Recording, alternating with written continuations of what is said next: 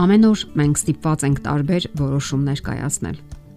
Ինչ ուտել, ինչ հագնել, գնալ թե չգնալ այս ինչ վայրը, ինչպես մոտենալ քեզ դուր եկող աղջկան կամ ինչ պատասխանել տղային, ով ժամադրում է քեզ որևէ վայրում։ Շատ լուծումներ པարզ են, եւ մարդիկ ընտրում են մի բան առանց երկար մտածելու։ Մյուսներն ավելի բարդ են եւ դժվար է միանգամից որոշել, քանի որ դա շատ կարեւոր, եթե ոչ ճակատագրական հարց է եւ որքան երկար ենք հետաձգում մեր որոշումը, այնքան ավելի շատ ենք մտածում, ապրումների մեջ ընկնում եւ ավելի դժվար ենք ճիշտ ընտրություն կայացնում։ Երբեմն, երբ որոշումը շատ բարդ է, որոշ մարդիկ նախընտրում են ամեն ինչ թողնել բախտի կմահաճույքին եւ իրենց վրա պատասխանատվություն չվերցնել, ինչ լինում է թող լինի։ Հատկապես կարևոր է ճիշտ որոշում կայացնել սեփական կյանքին ու առողջությանը վերաբերող հարցերի առումով։ Օրինակ, փորձել ծխախոտ, սկսել ապրել սեռական կյանքով, թե սпасել մինչև ամուսնությունը, ավելի առողջ սնվել, կանոնավոր զբաղվել մարմնամարզությամբ ու նման բաներ։ Շատ երիտասարդներ դժվարանում են նաև կյանքի ընկերոջ ընտրության հարցում, որն ինքնին ամբողջ կյանքի ամենակարևոր հարցերից մեկն է։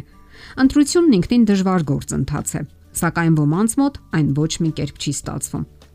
Դա բնականաբար ունի իր օբյեկտիվ եւ սուբյեկտիվ պատճառները, որոնք մարդն ինքն էլ դժվարությամբ է գիտակցում։ Իսկ մինչ այդ անցնում են կյանքի լավագույն տարիները։ Երիտասարդ, առույգ, երազանքներով հարուստ ու գաղափարներով հարուստ տարիները։ Ինչն է վերջապես պատճառն այն բանի, որ դուք դժվարությամբ եք ընտրություն կատարում, կամ էլ նույնիսկ չեք էլ մտածում այդ մասին եւ դուրս եք թողել դա ձեր ծրագրերից։ Փորձեք հասկանալ ձեզ եւ ձեր դրթապաճառները։ Հնարավոր է դուք բազմաթիվ հիմքեր ունեք մարդկանցից զգուշանալու համար։ Երբ դուք ծանր հիշողություններ եւ անհաջող հարաբերությունների փորձառությունների բովով եք անցել, միանում են ձեր բնական պաշտպանական մեխանիզմները։ Դուք հասկանում եք, որ եթե ձեզ մոտիկ չթողնեք մարդկանց, նրանք չեն կարող ձեզ ցավ պատճառել։ Սակայն խուսափելով հոգեկան մտերմությունից, դուք երբեք էլ չեք կարող գտնել համապատասխան անznավորություն։ Կա այսպիսի հասկացություն պաշտպանական դիմակ։ Սա այն է, երբ դուք պարփակվում եք ձեր մեջ։ Սակայն երբ գա ժամանակը, երբ դուք հանդիպեք ձեր սրտին հարազատ անznավորության, անպայման հանեք պաշտպանական դիմակը։ Միգուցե նա հենց այն անznավորությունն է, ով նախատեսված է ձեզ համար։ Մի փակվեք ձեր մեջ, բաց եղեք նոր շփումների համար։ Իհարկե, հնարավոր են նոր խոցելի իրավիճակներ, սակայն այլ տարբերակ դուք չունեք Պարզապես ուժեղ եղեք եւ ինքներդ ձեզ խոստացեք, որ ամեն ինչ լավ է լինելու։ Եվ կարողացեք լինել իրավիճակի տերը, այլ ոչ թե զոհը։ Շատ բան հենց դուք եք որոշում։ Շատ մարդկանց համար կյանքն ինքը լարվածություն է։ Նրանք հավերժական սթրեսի մեջ են եւ երբեք չեն հանգստանում իսկ ապագա միայնության ուրվականն արդեն ծանր դեպրեսիայի պես կախվում է նրանց վզից։ Այդ մարդիկ պատրաստ են ամուսնանալ առաջին պատահածի հետ միայն թե կյանքի ավարտը միայնակ չդիմավորեն։ Նրանք նույնիսկ սխալ, եթե ոչ ողբերգական ընտրություն են կատարում, ունենում են երեխա եւ կարծես ավարտված համարում իրենց առաքելությունն այս երկրի վրա։ Մեծերից մեկը գրում է. Մենք մոռացել ենք ինչպես գնահատել կյանքի ոչ մեծ պահերը։ Մենք մշտապես գտնվում ենք ոչ մեծ ուրախությունների հոսքի մեջ, որոնք կարող են օգնել մեզ որpիսի վերականգնենք մեր մտավոր ու հուզական հավասարակշռությունը։ Դրանք կարող են երջանկության համար անհրաժեշտ հարուստ pašարով ապահովել մեզ, եթե սովորենք երախտապարտ լինել դրանց համար։ Այսինքն դուք կարող եք երջանիկ լինել կյանքի բոլոր իրավիճակներում, նույնիսկ առանց ամուսնանալու։ Ի վերջո գոյություն ունի նաև այն տարբերակը, երբ այդպես էլ գուցե չամուսնանաք։ Իսկ դուք գիտեք, որ դա մահացու ողբերգություն չէ,